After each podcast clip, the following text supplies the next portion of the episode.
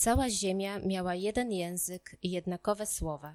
Podczas swej wędrówki ze wschodu znaleźli równinę w, w kraju Synear i tam się osiedlili. I mówili jeden do drugiego: Nurze, wyrabiajmy cegłę i wypalajmy ją w ogniu. I używali cegły zamiast kamienia, a smoły zamiast zaprawy. Potem rzekli: Nurze, zbudujmy sobie miasto i wieżę, której szczyt sięgałby aż do nieba. I uczyńmy sobie imię, abyśmy nie rozproszyli się po całej ziemi. Wtedy zstąpił Pan, aby zobaczyć miasto i wieżę, które budowali ludzie. I rzekł Pan, oto jeden lud i wszyscy mają jeden język, a to dopiero początek ich dzieła. Teraz już dla nich nic nie będzie niemożliwe, cokolwiek zamierzą uczynić. Przeto stąpmy tam i pomieszajmy ich języki, aby nikt nie rozumiał języka drugiego. I rozproszył ich Pan stamtąd po całej ziemi. I przestali budować miasto, dlatego nazwano je Babel, bo tam pomieszał Pan język całej ziemi i rozproszył ich stamtąd po całej powierzchni ziemi. Oto dzieje rodu Sema. Gdy Sem miał sto lat, zrodził Arpachszada, dwa lata po potopie.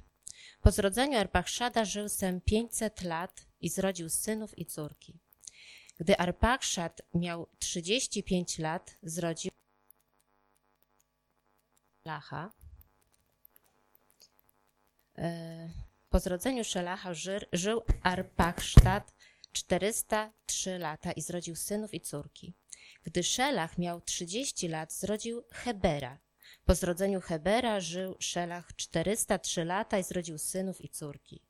Gdy Heber miał 34 lata, zrodził Pelega. Po zrodzeniu Pelega żył Heber 430 lat i zrodził synów i córki. Gdy Peleg miał 30 lat, zrodził Reu. Po zrodzeniu Reu żył Peleg 209 lat i zrodził synów i córki. Gdy Reu miał 32 lata, zrodził Szeruga. Po zrodzeniu Szeruga żył Reu 207 lat i zrodził synów i córki. Gdy Seruk miał 30 lat, zrodził Nachora. Po zrodzeniu Nachora żył Seruk 200 lat i zrodził synów i córki. Gdy Nachor miał 29 lat, zrodził Teracha. Po zrodzeniu Teracha żył Nachor 119 lat i zrodził synów i córki. Gdy Terach miał 70 lat, zrodził Abrama, Nachora i Harana. A oto dzieje rodu Teracha. Terach zrodził Abrama, Nachora i, Herana, i Harana, a Haran zrodził Lota. Haran zmarł za ojca swego, za życia ojca swego Teracha w ojczyźnie swojej, w Ur Chaldejskim. Abram i Nachor pojęli sobie żony. Imię żony Abrama było Saraj, a imię żony Nachora Milka, córka Harana, ojca Milki i ojca Iski. A Saraj była niepłodna, nie miała dzieci.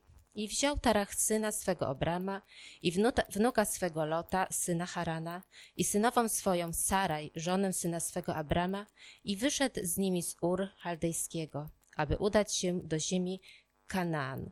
Gdy przybyli mm, do Haranu, zamieszkali tam. Terach żył 205 lat i umarł Terach w Haranie. Dzisiaj kontynuujemy serię kazań z Księgi Rodzaju.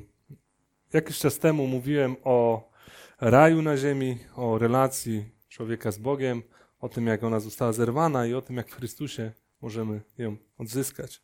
Tydzień temu Łukasz podczas kazania mówił o konsekwencjach potopu. E, mówił o tym, że oprócz Noego, jego rodziny i zwierząt, na arce przetrwało coś jeszcze. Przetrwał grzech.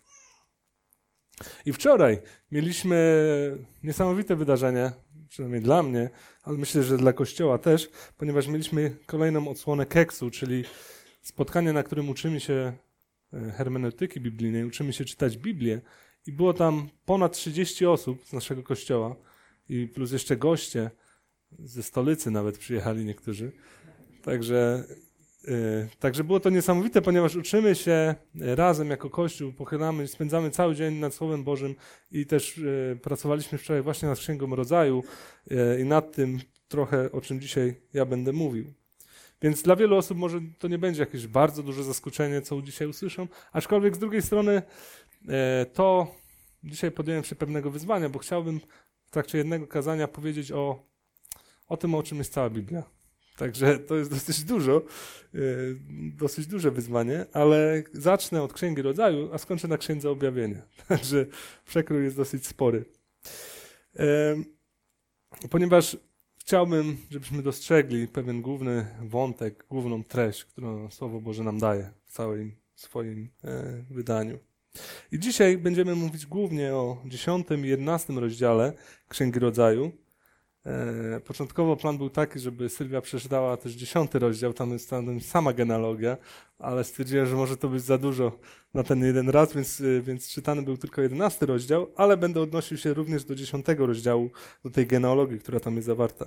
Ale oczywiście, jak ty, sam tytuł kazania wskazuje, e, skupimy się też na wieży Babel, ale na szerszym kontekście tego tekstu, który dają nam właśnie te dwie genealogie. Posłużę się również jeszcze jedną genealogią, którą znajdziemy w Ewangelii Łukasza w trzecim rozdziale, po to, żeby właśnie wskazać, co jest tym głównym przesłaniem całej Biblii. A także odpowiedzieć na pytanie, czy jest nadzieja dla narodów, dla narodów, które przez grzech zostały, e, znaczy pogrze- grzesznych narodów, które zostały rozproszone przez Boga właśnie po wydarzeniach, czy w trakcie wydarzeń E, które potocznie nazywa, nazywamy wieżą Babel. I generalnie w ramach kontekstu, tak jak kiedyś e, wspominaliśmy, Księga Rodzaju została napisana, czy przypisuje się autorstwo Mojżeszowi pod wpływem Ducha Izraela dla narodu, e, Ducha Bożego, przepraszam, Ducha Świętego, dla narodu Izraela. Została ona spisana mniej więcej w trakcie podróży Izraela do Kanaanu, kiedy to wyszli z Egiptu i szli właśnie w stronę tej ziemi obiecanej.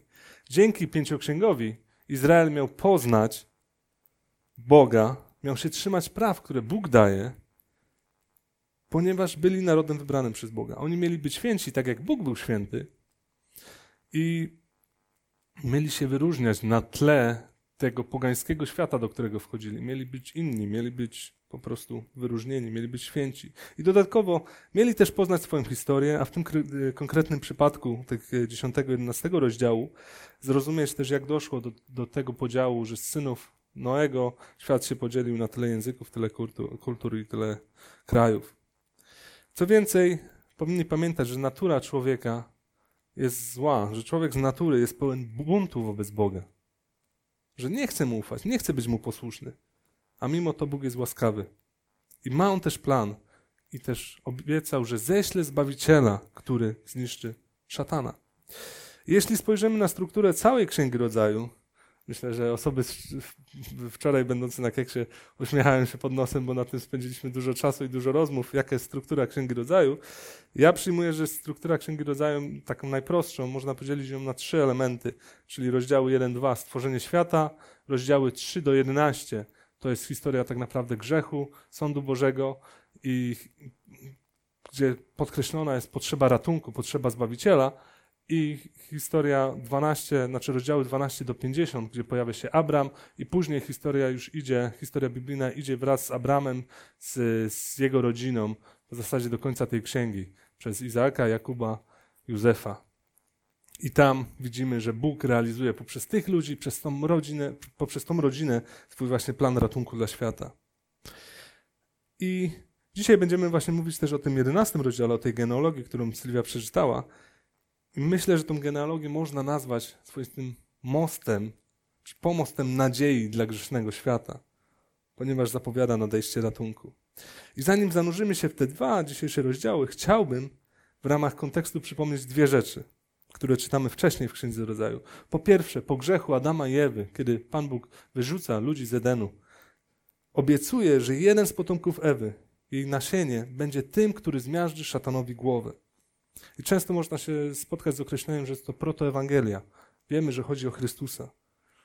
Drugie wydarzenie, to o czym mówił Łukasz ostatnio, że po potopie Pan Bóg daje Noemu nakaz, Zresztą taki sam nakaz, jaki dał Adamowi i Ewie na początku, że ludzie mają iść, zaludniać ziemię, rozmnażać się, żeby ją jakby pokryć całą.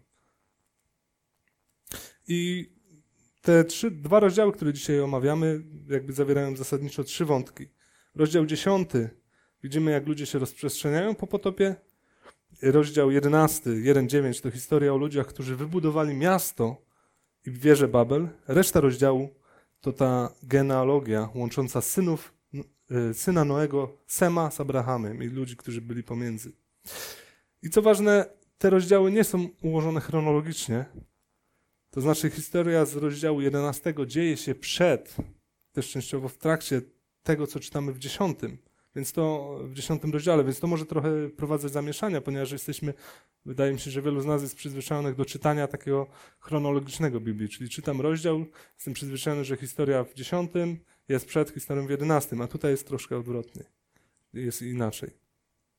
I te dwie genealogie też pomogą nam lepiej zrozumieć e, tą historię zwierzy Babel. Zanim przejdę już do analizy, pozwólcie, że się pomodlę. Dobry Ojcze, dziękujemy Ci za, za to, że Ty masz plan e, i w tym Twoim planie dzieje się tak wiele rzeczy, których nie rozumiemy. E, I dzięki Ci też, że w Twoim planie było rozproszenie ludzi.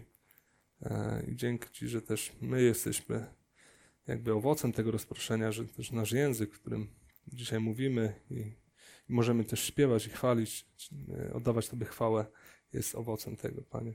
Dzięki Ci, że możemy ufać w Twój plan. Dziękuję Ci właśnie za ludzi, którzy E, przynieśli Ewangelię tutaj do, do kraju. Dzięki Ci za ludzi, którzy byli przed nami, którzy nam głosili. E, też dzięki Ci za tych, którzy na całym świecie cierpią z powodu Twojego imienia. Proszę Cię, wzmacniaj ich, dawaj im nadzieję.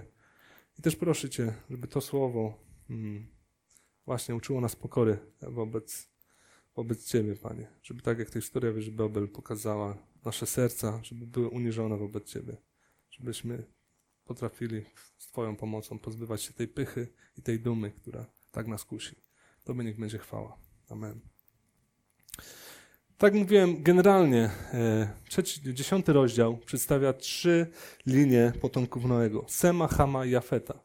Ja tego długo nie będę omawiał, ale tutaj, e, jak zobaczymy na tej mapie, generalnie Semici to jest Mezopotamia, tam gdzie w tych ramkach nie ma koloru, Mezopotamia i e, Arabia, tam się rozeszli. Potomkowie Hama to głównie Palestyna, czyli to zielone, te zielone napisy Palestyna i Egipt, a potomkowie Jafeta to jest Turcja, gdzieś tam na wschodzie i gdzieś tam na zachodzie Grecja, być może nawet gdzieś tam e, dalej. I oczywiście to, co tutaj mamy przedstawione i to, co Słowo Boże mówi, to nie jest jakby, to się nie stało od razu po potopie, to jest jakiś, po jakimś czasie spisane przez Mojżesza w perspektywie tego, co, e, pewnego procesu, który się zakończył. I mamy to przedstawione, bo widzimy tutaj początki narodów, początki pewnych kultur, początki cywilizacji, języków i krajów. I tutaj nie będę więcej dużo o tym mówił. Chciałbym, żebyśmy się skupili tylko na dwóch postaciach z tej genealogii. I zacznę od Pelega. W 10 rozdziale 25 czytamy, że jeden z synów Hebera, co ciekawe, Heber, ten człowiek, to od niego przyjmuje się, że wzięła się nazwa Hebrajczycy. Po nim zostali tak nazwani, że jako lud, Hebrajczycy. Jeden z tych z jego synów miał na imię Pelek, gdyż za jego dni ziemia została podzielona. I oczywiście tutaj nie można mieć stuprocentowej pewności, że na pewno o to chodzi, ale wielu badaczy pisma przyjmuje, że chodzi tu o podział terytorialny, podział yy, społeczny, podział czasem jakieś plemienne i tak dalej. I jasne, czy łatwo można to powiązać z tym, co, co czytamy w wieży Babel, że właśnie ten podział znaczy, kiedy ziemia została podzielona, kiedy Pan Bóg rozproszył potomków Noego, kiedy zostałem rozdzieleni, kiedy ta jedność, jedność zostaje przerwana i ludzie się rozchodzą każdy w inną stronę. I można przyjąć, że Pelek że Pelek e, otrzymał to imię na cześć albo e, żeby podkreślić jakby rangę tego wydarzenia i prawdopodobnie było to przy jego urodzeniu albo jakoś niedługo po, e, niedługo na początku jego życia. I teraz jeżeli skoczymy właśnie do 11 rozdziału, do tej drugiej genealogii, gdy mamy tam rozpisaną, cofnij, dzięki, ten drugi werset, tutaj mamy tą genealogię pokoleń Sema od rozpisana ta genealogia też Pelega. Gdy dodamy liczbę lat, kiedy jakby ojciec rodził syna i sumujemy to, wiemy, że Peleg narodził się mniej więcej według y, chronologii biblijnej około 100 lat po potopie. I można zapytać, jakie to ma znaczenie.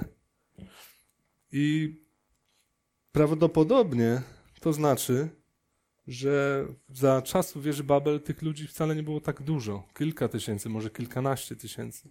Można by jakieś wyliczenia robić matematyczne, ile ludzi mogło się urodzić przez 100 lat z tych ośmiu osób.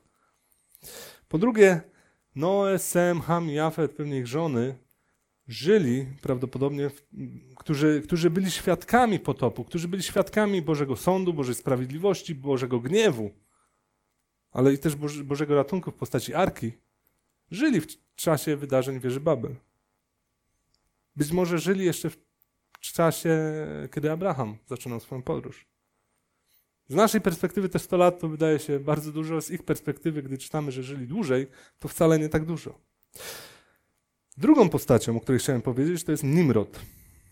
W, w 10 rozdziale 8.12 czytamy o tym, że on był dzielnym myśliwym, że był mocarzem, że panował w Babilonie i w innych miastach, w ziemi Shinar, że zbudował Niniwę i inne miasta. I tutaj warto dodać, że to słowo myśliwy wcale prawdopodobnie nie oznacza tylko tego, że polował na zwierzęta, ale też polował na ludzi. Oznacza człowieka wojny, wręcz niektórzy mówią, że krwiożerczego tyrana, dyspotę. I być może autor tych słów, e, pisząc te słowa, pisze, pis, e, gdy napisał, że przed Panem był myśliwym najdzielniejszym, nie chodziło wcale o to, że to był człowiek, który robił to dla Boga, który czcił Boga, wręcz przeciwnie. Jego imię, Nimrod, tłumaczone jest jako buntownik, czy bunt. I bunt właśnie przeciwko Bogu. A to, że był najpotężniejszy na ziemi, czy przed Panem, znaczy właśnie to, że był najsilniejszy, że nie było drugiego takiego. Co więcej, w tradycji żydowskiej, rabinistycznej, Nimrod jest kojarzony jako ten, kto dowodził budową wieży Babel, jako ten, kto przewodził buntowi przeciwko Bogu. Jakby podsumowując, to są bardziej ciekawostki. Podsumowując, wydaje się, że Nimrod mógł być tym, który przewodził ludziom w buncie przeciwko Bogu. Taki, y, który czytamy w wieży Babel. I ten bunt mógł mieć miejsce około 100 lat po potopie. Zatem widzimy, że, że te genealogie 10, z 10 i 11 rozdziału wprowadzają nas w historię o wieży Babel. Wiemy więcej, kto, kiedy, gdzie i dlaczego.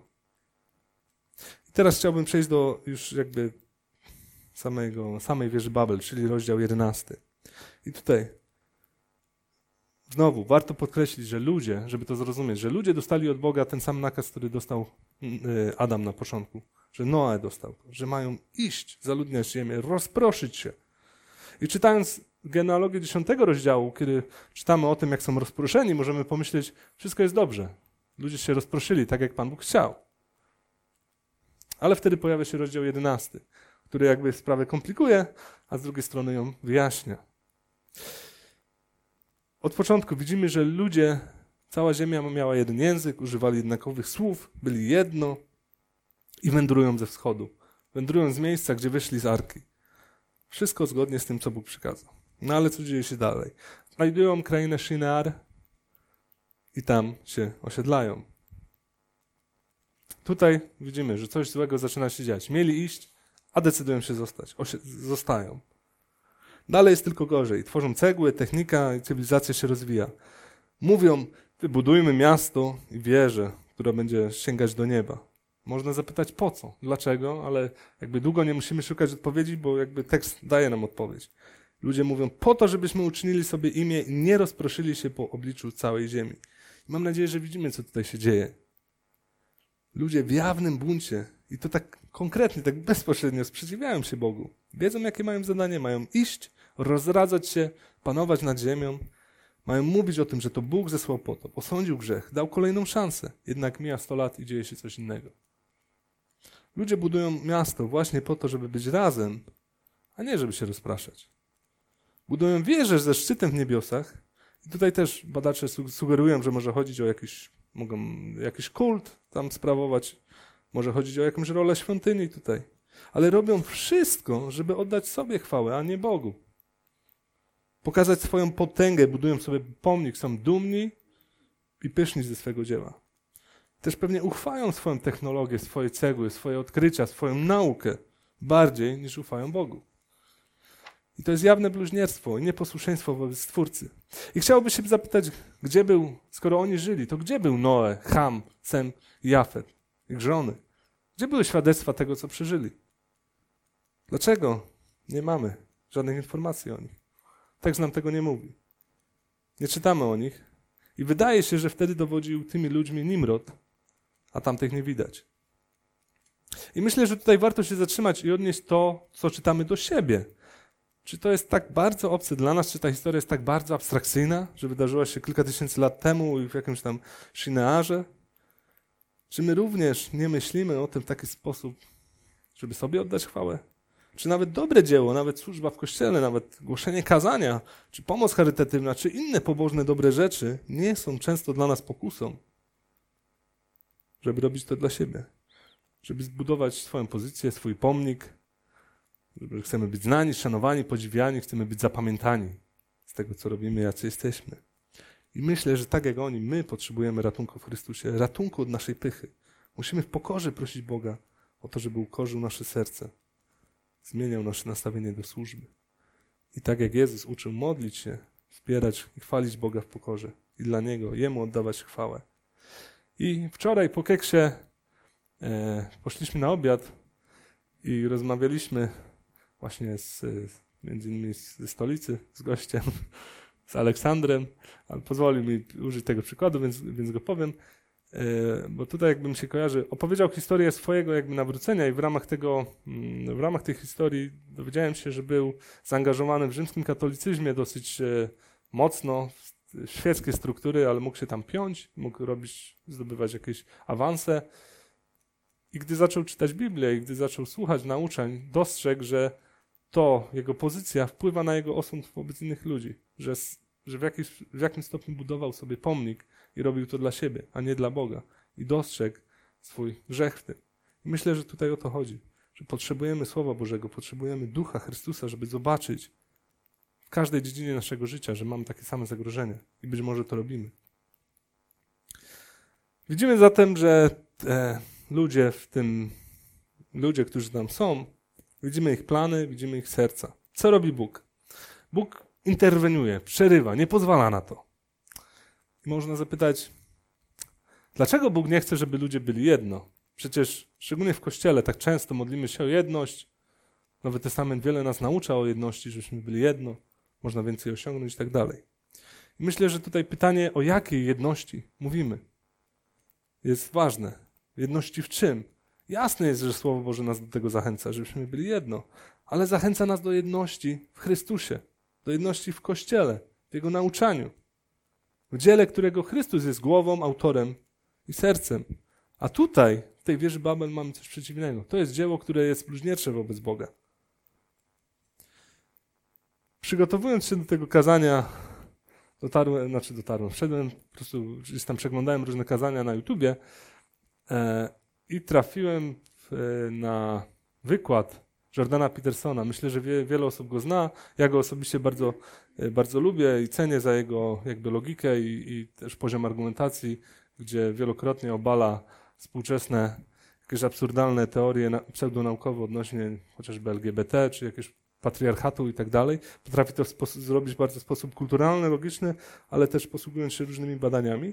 I on, komentując wieżę Babel, jako klinicz, psychiatra kliniczny, zdaje się, coś takiego, rozumie, jest w stanie zrozumieć naturę człowieka, dlaczego człowiek to robi, dlaczego człowiek się buntuje, bo rozumie, że człowiek naturalnie tego chce dla siebie, chce budować swoją wieżę Babel i jest w stanie to powiedzieć ze swojego doświadczenia naukowego, ale czego nie rozumie, oczywiście to nie rozumie Boga.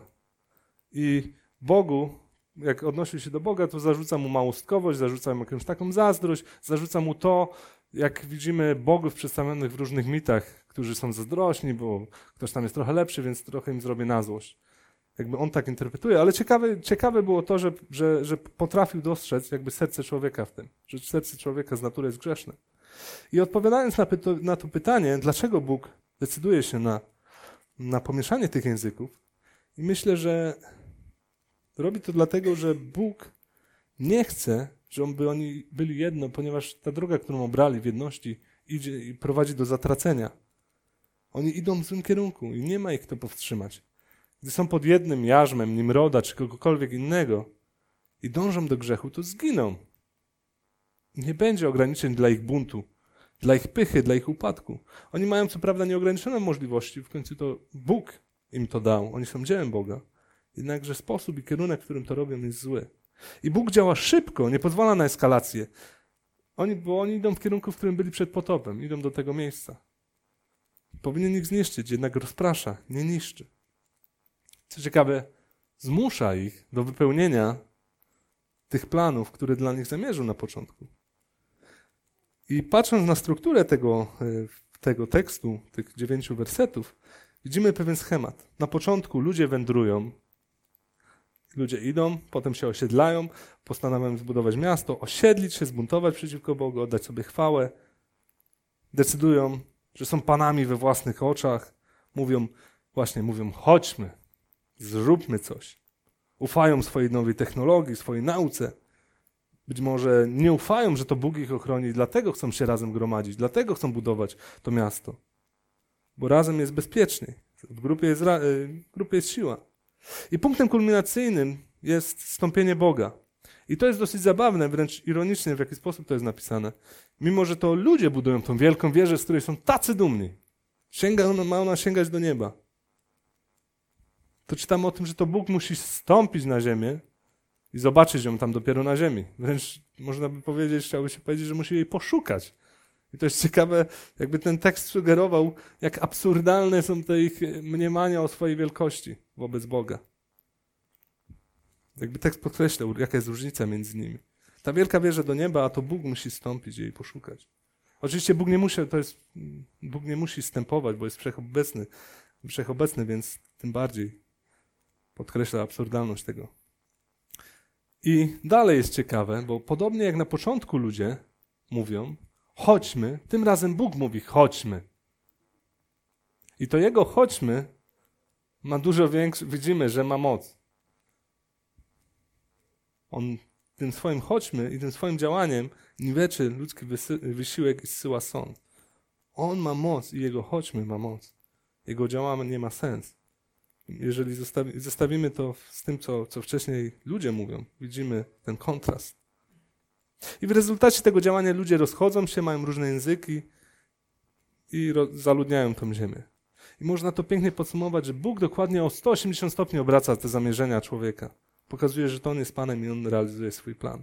I podsumowując ten fragment, historia Babel pokazuje, jak szybko ludzie zbuntowali się przeciwko Bogu po potopie. Wnieśli miasto, wieżę, w akcie nieposłuszeństwa przeciwko Jachwę. Odrzucili go, czcili siebie samego zamiast niego. A być może myśleli, że budując to osiągną taki stan pełni, ten, który utracili w Edenie. Myślą może, że odbudują Eden, zbudują tę wieżę. Bóg interweniuje, przerywa tą spiralę, zsyła sąd, ale też ratunek dla ludzi. I pokazuje, że problemem nie jest brak idealnego miejsca, nie jest brak Edenu. Problemem jest człowiek i grzech. Nie potrzebujemy idealnego miejsca, potrzebujemy Zbawiciela. I widzimy, że po potopie ludzie są grzeszni, tak jak przed potopem, że na arce razem z Noa i jego rodziną przetrwał grzech. I teraz mam cytat, żeby was trochę obudzić. Może podzielę się, jak on do mnie dotarł. Do, do, do, dostałem go od pastora, naszego Łukasza, także nie wypadało go nie, nie zamieścić. Także, ale myślę, że jest bardzo dobry i trafny, szczególnie w tej sytuacji. Autorem tego e, jest Bruce Waltke, który pisze tak. Adam, jako nasz przedstawiciel, pokazał, że człowiek ze swojej natury nie jest w stanie dostąpić doskonałości. Szczególnie po tym, jak grzech wkroczył na świat. Nieodrodzona osoba zakuta w grzech nie jest w stanie wykazać cnoty miłej Bogu. Jednak częścią naszej zepsutej natury jest wiara w to, że tylko trochę rozwoju edukacji, technologii, nauk politycznych pozwoli nam, upadłym, podnieść się z naszego zepsucia. Odrzucenie, odrzucenie zawierzenia łasce trójjedynego Boga, którą okazał w Ewangelii Jezusa Chrystusa i trzymanie się swoich własnych sił tylko pogrążają nas w brudzie naszego zepsucia. I myślę, że to jest bardzo trafne podsumowanie tego, co czytamy.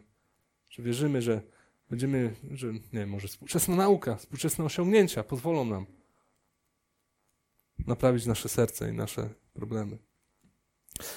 Idąc dalej, widzimy, że teraz ci grzeszni ludzie rozchodzą się po całej ziemi. Roznoszą ten bunt, tą pychę, tą arogancję wobec Boga. Tworzą własne bluźniercze wobec Niego kulty. I można zapytać właśnie, czy jest jakaś nadzieja dla narodów. I wierzę, że czytając uważnie Księgę Rodzaju, dostrzeżemy tą nadzieję. Pośród ciemności jest nadzieja dla narodów. I dalsza, jakby ta druga część 11 rozdziału to genealogia. Ta, ta genealogia służy za pewne przyspieszenie akcji. Mamy tam opisane kilkaset lat od potopu do czasów Abrahama. Jest to pewien most łączący stare czasy z nowymi. W tym też czasie wydarzyła się wieża Babel i pewnie wiele innych wydarzeń, o których część wiemy, studiując historię czy archeologię, ale o wielu pewnie nie wiemy. Ale ważne, to co dla nas najważniejsze i dla oryginalnych odbiorców, dla Izraela, to jest to, że Bóg wprowadza swój plan ratunkowy. Pojawia się Abram, wybrany przez Boga, i Bóg go powołuje, i czytamy to w 12 rozdziale, w pierwszych trzech wersetach.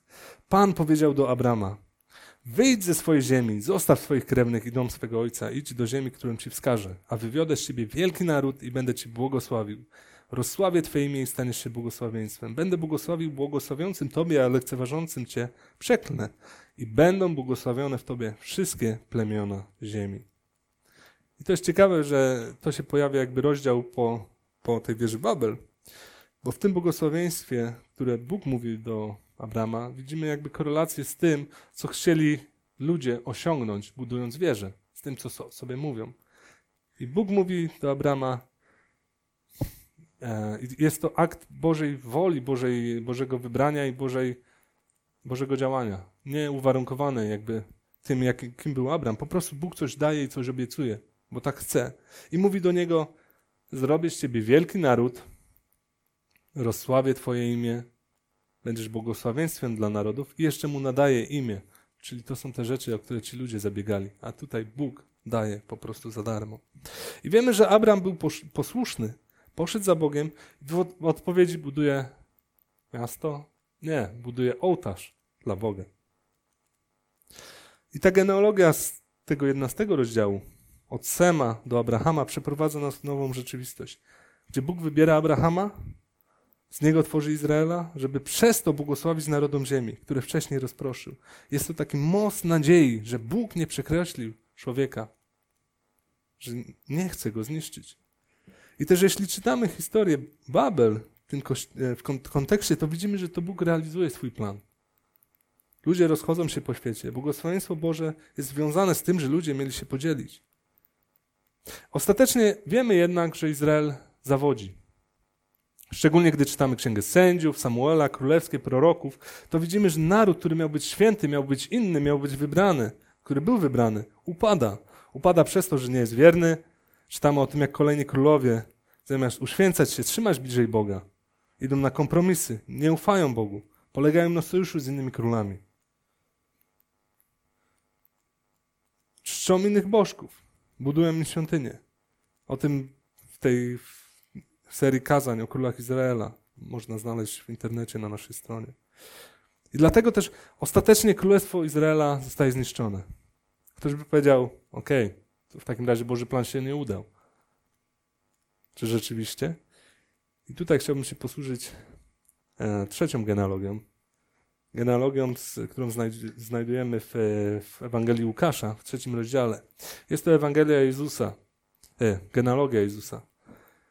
I czytając od tyłu, widzimy, że Adam, od ostatniego wersetu, Adam pochodził od Boga, potem od Adama był Eber, znaczy wcześniej Noe, potem Eber, Abraham, król Dawid i ostatecznie ta e, e, genealogia prowadzi nas od, od Adama do Jezusa. I pokazuje, że Jezus jest wypełnieniem tej zapowiedzi, którą już, o której mówiliśmy na początku, w trzecim rozdziale, piętnastym wersecie Księgi Rodzaju, że to jest ktoś z nasienia Ewy, kto przyjdzie, żeby pokonać szatana. I oczywiście Ewangelia potem mówi, jak to się wykonało i daje dużo więcej potwierdzeń tych zapowiedzi, tych proroc. dziejach apostolskich, w trzecim rozdziale czytamy, że gdy apostołowie już po śmierci i zmartwychwstaniu Chrystusa głoszą Ewangelię, mówią Żydom, że wy zabiliście Chrystusa, zabiliście Mesjasza i mówią do nich takie słowa. Wy jesteście synami tych proroków i przymierza, które Bóg zawarł z waszymi ojcami. Oświadczył on Abrahamowi. W twoim nasieniu będą błogosławione wszystkie rody ziemi. Bóg zatem wzbudził swego sługę, Chrystusa, przede wszystkim dla was. Posłał go, aby wam błogosławił, dając każdemu z was możliwość odwrócenia się od własnej niegodziwości. Bóg zawarł przymierze z Izraelem, ale nasieniem, przez który będzie błogosławił, jest Jezus. To On jest sercem całego planu, tym zapowiadanym, tym, który uratuje ludzi. Izrael miał na niego wskazywać. I apostoł Paweł jeszcze mocniej pisze o tym w, w liście do Galacjan, w trzecim rozdziale. Odnosząc się do Abrahama, trzeba zauważyć, że otrzymał on obietnicę dla siebie i swego nasienia. Nie powiedziano dla nasion, jako wielu, lecz i Twojemu nasieniu, czyli jednemu. Tym nasieniem jest Chrystus. Wszyscy bowiem jesteście synami Boga dzięki wierze w Jezusa Chrystusa. Bo wszyscy, którzy zostaliście ochrzczeni w Chrystusa, w Niego też się odzieliście. Nie ma już znaczenia, czy ktoś jest Żydem, Grekiem, niewolnikiem czy wolnym, mężczyzną czy kobietą. Wszyscy jesteście jednością w Jezusie Chrystusie. Jeśli zawieracie się w Chrystusie, to jesteście nasieniem Abrahama, dziedzicami według obietnicy. Paweł pisze o tym, że ci, którzy są w Chrystusie, są zbawieni, uratowani. I nie ma znaczenia, kto z jakiego jest kraju, jaki ma kolor skóry, jaką ma płeć. Widzimy tutaj odwrócenie tej wieży, tego, co się stało w wieży Babel. Ludzie mają być jednością w Chrystusie, być Jego uczniami, być Mu posłuszni w wypełnianiu Jego woli. Mowa tu o Jego ludziach, którzy tworzą Jego Kościół. I to Kościół, przez Kościół Bóg chce błogosławić narodom i nieść im ratunek. Jezus odchodząc do nieba przykazał swoim uczniom, aby czynili uczniami wszystkie narody, o czym czytamy w Mateusza 28. I piękny obraz tego, jak to się dokonało, jak Bóg wykorzystując Kościół tak na naturalny sposób, mamy w czasie pięćdziesiątnicy kiedy to na apostołów wstępuje Duch Święty i zaczynają mówić różnymi językami. I tutaj też pytanie, jakie było zastosowanie tych języków, po co oni mówili tymi językami. I tekst daje nam bardzo mocną odpowiedź. Mówili po to, ponieważ byli tam ludzie z różnych stron świata, po to, żeby oni usłyszeli swój język i usłyszeli języ e, e, Ewangelię w swoim języku, usłyszeli, poznali ją i zanieśli tam, skąd przychodzą, po to, żeby ta Ewangelia się rozprzestrzeniała. I może następny slajd. Jeżeli czytamy, kto tam był? Partowie, Medowie, czyli Mezopotamia, Elamici, Judea, Kapadocja, Pont, czyli Turcja, Pamfilia, Egipt. Widzimy, że to są plemiona, czy to są ludzie, mniej więcej to się pokrywa z tym, z tą mapą, czy z tym, jak e, ludzie rozeszli się na, po, na początku. I to nam pokazuje, tą wielkość Bożego planu. Częścią Jego planu było rozproszenie ludzi na początku, aby nie poszli na zatracenie, ale częścią Jego planu było wykorzystanie Abrahama, Izraela, zmartwychwstania, śmierci i zmartwychwstania Jezusa. Po to, żeby oni Go poznali. Po to, żeby każdy, kto w Niego wierzył, został który się opamięta, został narodzony na nowo, żeby został oczyszczony, żeby otrzymał życie wieczne. To jest Ewangelia, którą Bóg chce głosić poprzez swój Kościół. Kościół, który składa się z ludzi rozsianych po całym świecie, którzy są wierni mimo przeciwności. Szczególnie gdy dzisiaj mówimy o i modlimy się o Kościół prześladowany, którzy go wielbią wszędzie tam, gdzie są, w każdym języku i głoszą Jego Ewangelię zgubionym narodom. I tak sobie myślę, że też właśnie odnosząc tych, e, się do tych kazań, e, które gdzieś tam słuchałem przygotowując się, bardzo mi się spodobała myśl tego, że jednym z celów rozproszenia też, czy, czy stworzenia tych języków było to, żeby Bóg odebrał sobie tym większą chwałę, im więcej jest języków, niż z jednego języka. Jak teraz, gdy o tym myślimy, gdy ja o tym myślę, rzeczywiście jest tak, że na całym świecie są ludzie, którzy mimo przeciwności w swoich językach oddają Bogu chwałę.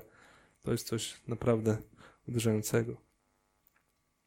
Zatem podsumowując, czy jest nadzieja dla narodów? Zdecydowanie tak. I w ramach zastosowania zastanawiałem się, na czym się skupić, ponieważ dużo fragmentów e, dzisiaj jakby poruszyliśmy, ale chciałbym mm, zostać jakby przy głównej myśli, czyli tej wieży Babel. ponieważ myślę, że to jest coś, co nas dotyka bezpośrednio. I zadać parę pytań. Czy widzę, czy mam tego świadomość, właśnie, że często ufam bardziej swoje siły, ludzkie siły ponad Bożą moc. I tutaj warto pomyśleć o tym, że oczywiście Pan Bóg daje naukę, daje osiągnięcia, daje rzeczy, którymi możemy się posługiwać, które są ważne, dobre i możemy dobrze wykorzystywać, ale czy czasem nie przekładam tego, co mi ludzie mówią, albo jaki jest stan obecnej nauki, pod, ponad to, co Pan Bóg mówi? Czy to nie ma większego wpływu na moje życie? Druga myśl to, czy szukam ratunku w sobie, czy szukam go w Chrystusie? Czy staram się budować moją wieżę, moje miasto, które będzie skupione wokół mnie, które będzie oddawać mi chwałę, w którym będę się czuł bezpiecznie. Może przyciągać tam ludzi, którzy mnie będą wielbić. Czy chcę rzeczywiście poznawać Boga i, i ufać Mu i rozwalić te mury mojej twierdzy po to, żeby iść za Nim, gdziekolwiek mnie prowadzi. Kolejna myśl, jakie, nawet w, osta- w jakiejś książce przeczytałem o tym ostatnio, o ojcostwie, a, jakby ktoś przyglądał się Twojemu życiu, to jakie, jakie dzieło by zobaczył? Co budujesz w swoim życiu? I myślę, że w kontekście wieży Babel też możemy zapytać, jaką wieżę budujesz? Z czego tą wieżę budujesz? Po co ją budujesz? Jaka wieża jest najwyższa, najważniejsza w Twoim życiu? I ostatnia myśl do zastanowienia. Czy wierzę w to, że Bóg ma plan dla narodów? Czy ma plan dla mnie? I czy go realizuje?